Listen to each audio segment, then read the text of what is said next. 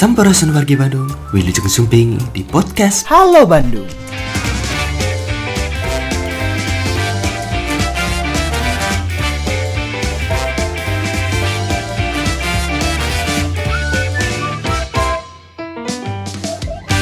Assalamualaikum warahmatullahi wabarakatuh. Sampurasun Bingah pisan dina waktu ayeuna simkuring pun Big Dado Firmansyah tiasa nepangan deui wargi Bandung. Anu aya di mana wae? Di suklakna di siklukna nya. Anu aya di kulon di wetan di kidul di kaler. Pak wargi Bandung salah satu yang kemudian sekarang sedang semangat-semangatnya ini adalah eh, anak-anak kita menjalani sekolah. Walaupun tidak full walaupun hanya beberapa jam saja di sekolah tapi kemudian ini menjadi uh, semangat tersendiri begitu ya. Apalagi setelah satu tahun lebih kemarin uh, semua belajar secara daring. Nah terkait dengan hal itu bersama kita hari ini sudah ada Bapak Jajang Hermawan SPD MMPD. Beliau adalah kasih kurikulum PPSD dari Dinas Pendidikan Kota Bandung. Damang Pak Jajang, Pangesto, alhamdulillah. Abi nyebatna Bapak tapi Akang ya saya nanya. Raos nam. Raos. Akang ya bios. Ah ya nggak nggak nggak. Kang, Akang teh dikasih kurikulum PPSD. Leres. Naon singkatan PPSD teh Kang? Pengembangan pendidikan sekolah dasar. Pengembangan pendidikan sekolah dasar. Nah ini apa yang kemudian menjadi job desk-nya begitu? Secara umum kasih kurikulum job desk-nya mengain dari mulai perencanaan pembelajaran khususnya Mhm. untuk ke action di lapangan ya mulai dari mengawal perencanaan mengawal pelaksanaan penilaian dan evaluasi serta tindak lanjut Mhm. Nah itu di antaranya. Sementara termasuk kita juga di dalamnya bagaimana eh, buku-buku yang dipelajari di sekolah gitu ya di antaranya itu. Oke. Nah, Kang sebelum lanjut nih ini apakah kemudian dari PPSD sendiri ada kesulitan nggak selama masa pandemi kemarin dalam menjalankan job desk-nya ini? Untuk di dalam pelaksanaan job desk yang kemarin eh, kita secara umum karena itu lapangan ya di sekolah memang kita terus berkoordinasi. Jadi kita terus berkoordinasi terutama kaitan mungkin dengan kemarin pembelajaran tatap muka yang memang istilahnya diganti menjadi PJJ gitu ya Betul. se- seri pandemi. Nah itulah mungkin kita mengawal itu. Nah memang hal-hal itulah yang nanti yang menjadi titik-titik teman-teman baik guru ataupun orang tua ya. Nah itulah kami mengawal di situ. Secara kesulitan kita dari alur komunikasi tidak ada karena Hmm. kita membina ya Nah, hanya terkait dengan teman-teman di lapangan guru terutama bagaimana yang tadinya kita pola tatap muka menjadi PJJ mungkin di bulan-bulan awal ada ada kesulitan beradaptasi termasuk orang tua juga ya Betul, Nah itu, nah itu mungkin di situ di, di, di awal ya. Oke. Nah, a- apa yang kemudian menjadi catatan penting dari Disdik sendiri terkait dengan pelaksanaan pembelajaran jarak jauh kemarin, Pak? Eh, sebagai catatan, kami juga telah melakukan penggalian informasi ya dari sumber orang tua, guru. Nah itu, nah di situ memang satu di antaranya, terutama mungkin di, di ini orang tua. Namun kita orang tua ada kesulitan, terutama di dalam hal bagaimana membina putrinya ya, terutama berkaitan dengan tugas-tugas. Namun kita coba, khususnya di pendidikan dasar, kita coba dengan eh, pendekatan satu terutama di masa setelah levelnya di level 3 ya kita arahkan untuk ada guru kunjung gitu ya terutama di kelas bawah kelas bawah itu kelas 1 2 3 itu Satu ya. dua tiga. Ya, guru sewaktu-waktu dengan prokes tentunya kita kita harapkan untuk bisa eh, mengunjungi secara bertahap terutama mungkin siswa-siswa yang fokus utama adalah yang kesulitan. Nah, itu ya Hmm. di antaranya itu. Oke. Nah, sudah beberapa bulan ini seperti kita tahu juga wargi Bandung ini pemerintah kemudian membuat kebijakan bahwa boleh melakukan tatap muka tapi dengan catatan-catatan tertentu. Nah, kalau untuk di Kota Bandung sendiri sampai hari ini seperti apa eh, evaluasinya? menindaklanjuti dari kebijakan pemerintah terutama SKB 4 Menteri betul Kota Bandung menyikapi untuk PTMT namanya juga pembelajaran tatap muka terbatas dan kita tambahkan bertahap gitu ya nah di Kota Bandung kita telah dilakukan yang sudah dua gelombang Nah, gelombang pertama itu di bulan Juni sebetulnya kita telah melakukan ya. Ada dengan dari total 330 sekolah waktu itu Hmm. yang lolos di PTMT tahap pertama. Juni Nah, 2002 21. 21 Ya, itu ya. Itu hanya berlangsung dua minggu karena ada kebijakan PPKM ya. Iya, ya betul. otomatis dengan itu seluruh tatap muka tidak ada. Sudah kita. Nah, baru kita sampaikan kembali. Nah, ini kami takut salah bahwa seiring dengan perkembangan apa namanya? perkembangan level PPKM di bulan September, maka yang 330 itu masuk lagi ya di bulan September.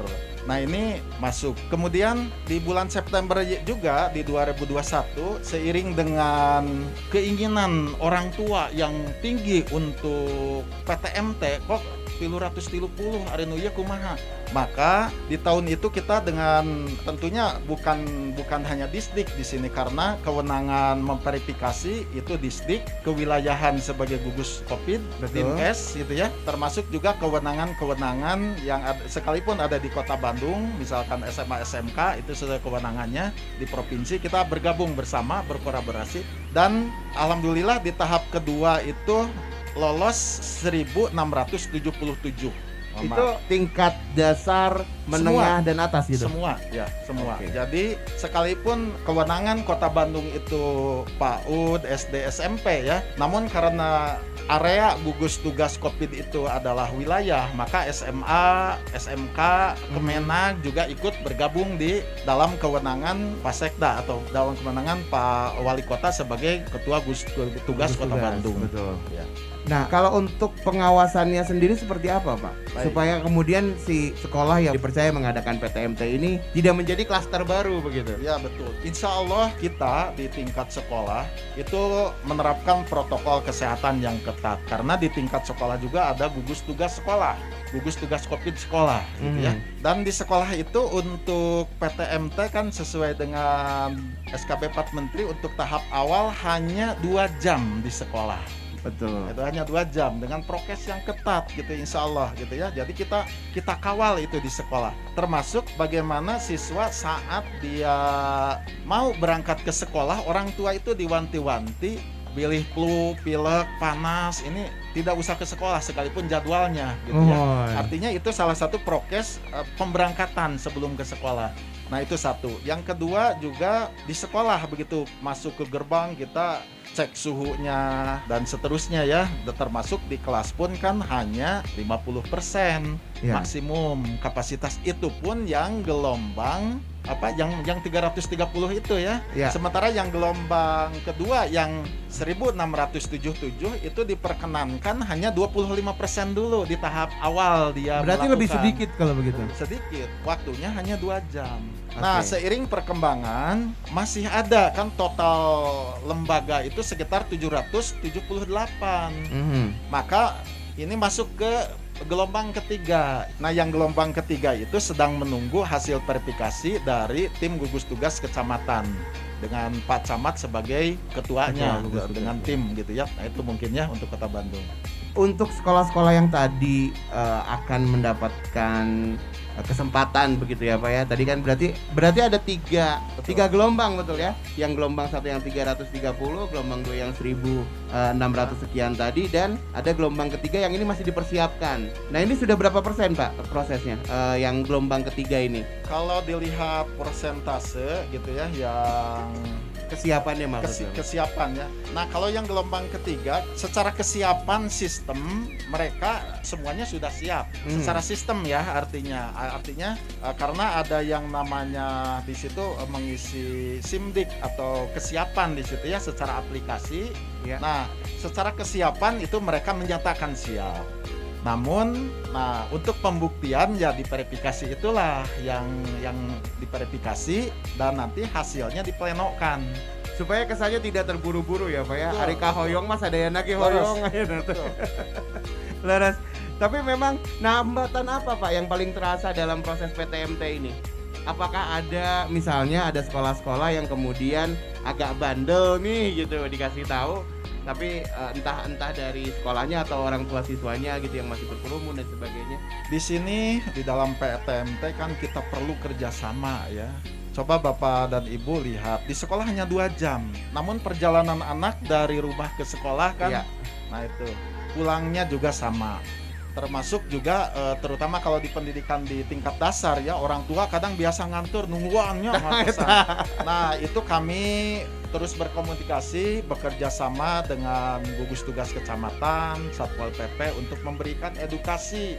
Artinya bahwa ini semua gitu di sekolah saya saya jamin itu ketat dalam arti ini. Se- sementara kan di luar kita belum tahu. Ya makanya peran serta seluruh masyarakat dan terima kasih kadang dari teman-teman media ini ada ini sehingga kan alhamdulillah kita saling saling mengingatkan gitu semua ya. Nah itu, nah itu kita edukasi, beri pengertian. Sebab begini, bapak dan ibu sok berkerumun, tidak tidak taat prokes, nanti sekolahnya akan ditutup sementara. Kalau memang kalau memang abai gitu ya, abai Iya. itu kan tidak pakai masker, orang tua berkerumun gitu. Nah ini dari pemantauan dan berbagai pengaduan, ini nanti tim gugus tugas dari kecamatan yang terdekat itu akan memberi peringatan. Jika terus abai, maka untuk sementara ditutup Oh. ditutup dulu. Itu sementara. bentuk sanksinya berarti ya, Pak? Betul, Sementara kalau itu tadi yang abai prokes. betul. Nah, kalau misalnya ditemukan ada kasus di situ, Pak, misalnya di di sekolah tersebut misalnya salah satu siswa yang dinyatakan positif misalnya. Nah, itu kebijakan apa? Baik. Untuk sekolah tersebut, eh, misalkan ditemukan. Nah ini kita akan bekerja sama dengan yang terdekat puskesmas. Kalau misalkan ditemukan dia ini karena kan kita teratur dalam jadwal misalkan ini dia ada di kelas mana. Nah maka nanti sasaran itu akan di kelas itu. Misalkan dia ada terutama misalkan 25% di SD misalkan jumlah itu ada 8 misalkan di kelas itu. Maka siapa yang kontak erat jika memang ada gitu ya. Nah ini nanti yang menanganinya adalah tim dari kesehatan dari puskesmas gitu ya Oke. tim gugus nanti ada semacam 3T treatment dan lain-lain ya termasuk juga teman-temannya yang itu diperiksa juga Hmm. nah itu ya yang bersangkutan sama nanti ada isolasi mandiri sesuai dengan waktu yang ditentukan. Kemudian apa yang dilakukan? Maka untuk kelas itu misalkan temuannya hanya di satu kelas itu. Untuk kelas itu maka kelas kelas itu saja yang kita hentikan. Jadi tidak kemudian sekolahnya ya, Pak ya? tidak. Kalau sekolahnya kalau sudah ditemukan kasusnya di atas 5% Oh. Kalau sudah kasusnya di atas 5%, maka itu sekolahnya ditutup atau Aha. dikembalikan lagi total PJJ sampai eh, batas waktu biasanya 14 hari gitu ya. Oke. Jadi kemudian tidak berpengaruh pada ya sudah kalau misalnya ada kasus nih kita tutup aja dulu sekolahnya nggak gitu juga ya, Tidak, Pak? karena memang di aturan yang kemarin PTMT seperti itu. Jadi kalau di bawah satu persen itu eh, sekolahnya tetap berjalan. Kalau sudah ditemukannya lebih tinggi lagi termasuk di atas 5%, maka sekolah baru akan sekolahnya yang ditutup. Baik, Pak ini kan yang eh, hari ini melaksanakan PTMT ada sekolah negeri. Kalau sekolah negeri pasti ada instruksi langsung. Nah kalau untuk sekolah swasta sendiri nih Pak, misalnya ada ada yang hari ini belum berani melakukan PTMT, apa kemudian yang dilakukan oleh distrik supaya eh, mereka kemudian mau untuk melakukan PTMT?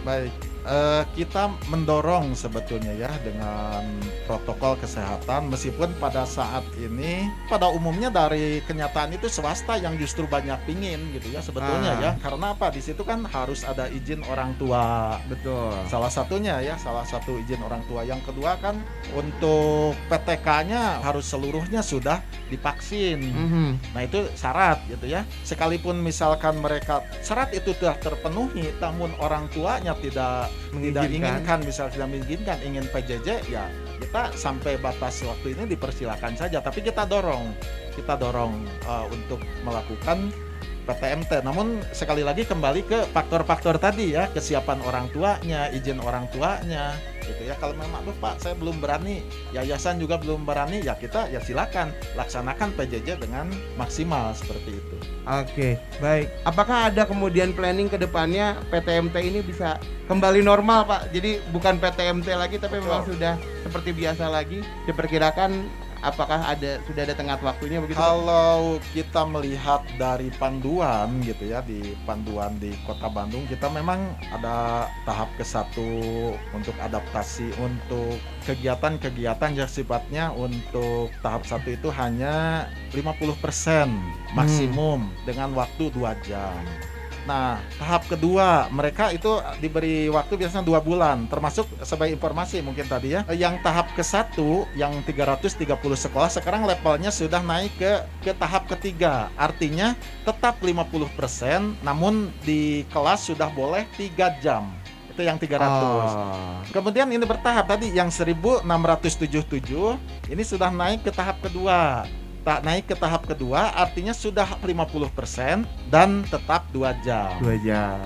Kemudian nanti terus eh, yang ini yang 300 ini dipantau lagi di Januari jika mereka itu apa misalkan tetap prokesnya bagus, maka mereka akan levelnya akan naik.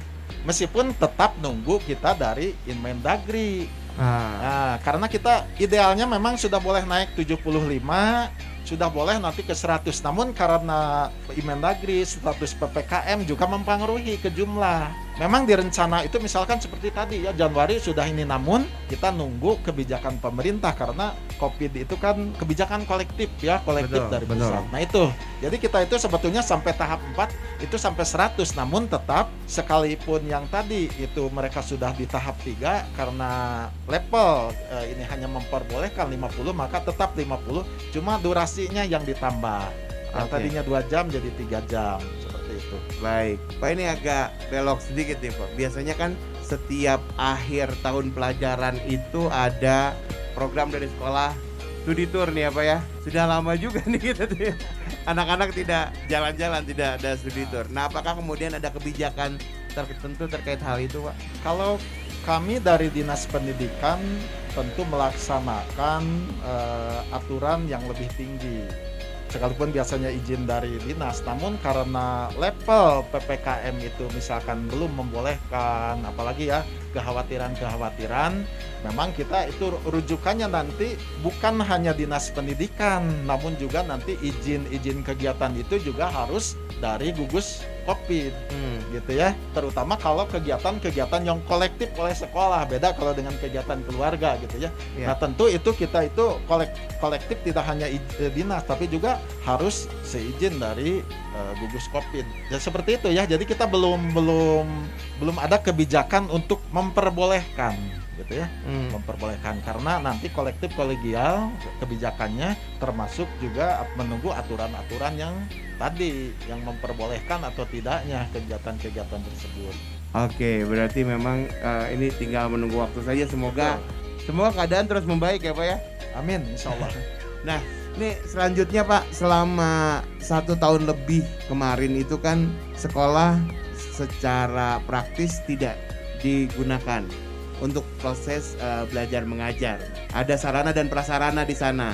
Ya seperti kita tahu ketika tidak digunakan biasanya ada kerusakan lah, ada apa. Nah, apakah kemudian ada program tertentu dari distrik untuk perawatan dan penambahan mungkin sarana dan prasarana pendidikan di Kota Bandung?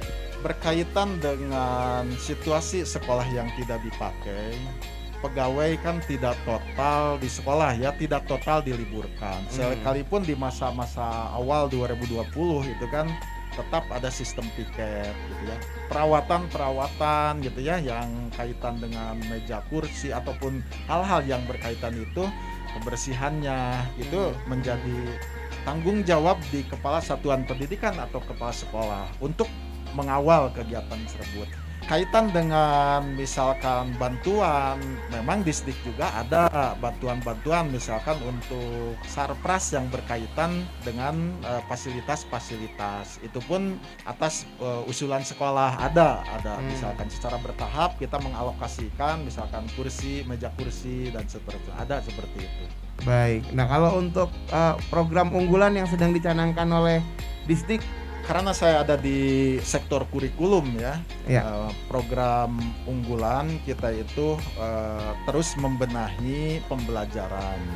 yaitu kalau di kami di, di kurikulum ada punya tim pengembang kurikulum yang terdiri atas kepala sekolah, eh, pengawas, guru itu lapangan untuk bagaimana membuat suatu struktur pembelajaran yang nanti bisa diadopsi oleh teman-teman, teman-teman gurunya maksudnya.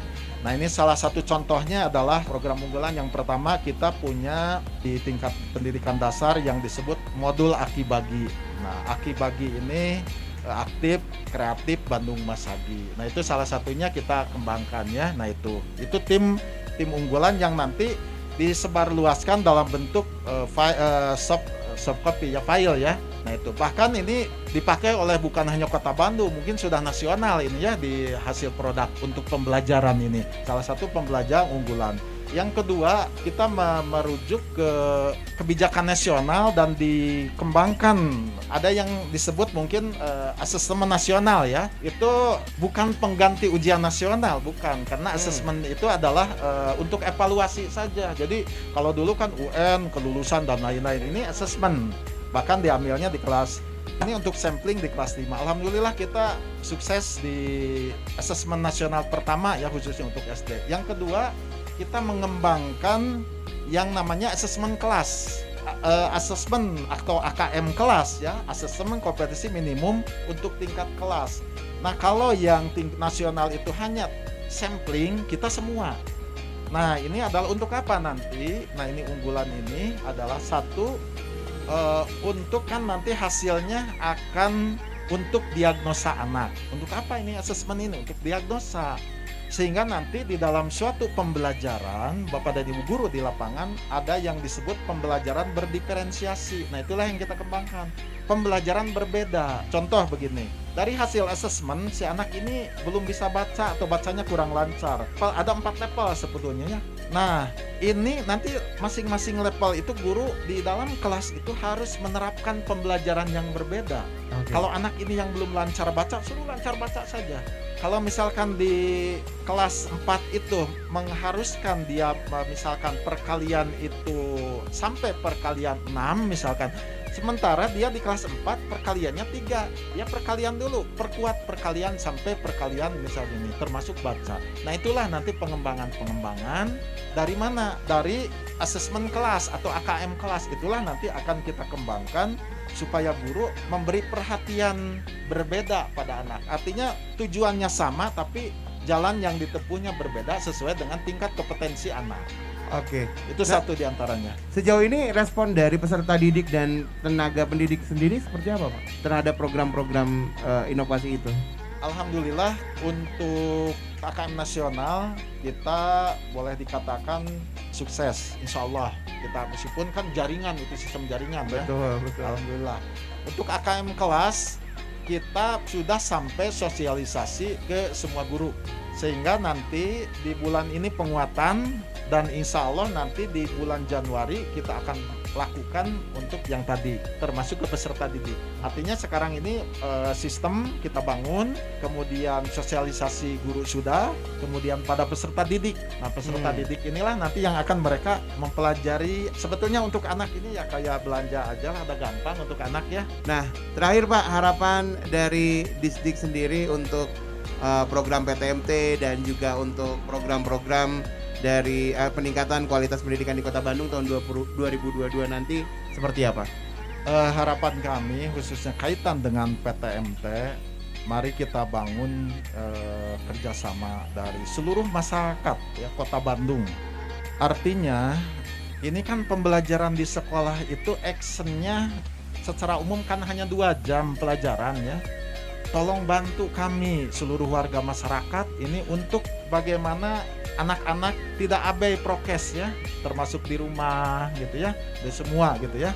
Itu jadi kami harapkan kerjasama semua pihak. Karena eh, ternyata nun di luar sana gitu ya contoh di mall mungkin eh, jauh lebih lama anak di mall ketimbang di kelas Betul. ataupun di tempat wisata dibawa keluarganya anak jauh lebih lama jauh berkerumun sekalipun ada aturan-aturan dibandingkan di sekolah maka mari kita dukung semuanya eh, untuk menjaga protokol kesehatan sehingga khususnya program untuk mencerdaskan anak bangsa di PTMT kita bisa terlaksana dengan maksimal dan kembali normal gitu ya Nah, Amin, itu. amin. itu mungkin Baik. Terima kasih Pak Jajang atas kehadiran dan juga informasi yang sudah diberikan untuk wargi Bandung. Nah, itu dia para wargi Bandung Sadayananya bahwa bagaimanapun kita sebagai orang tua dari peserta didik juga punya peran yang penting dalam terlaksananya PTMT di sekolah. Eh, terima kasih. Assalamualaikum warahmatullahi wabarakatuh.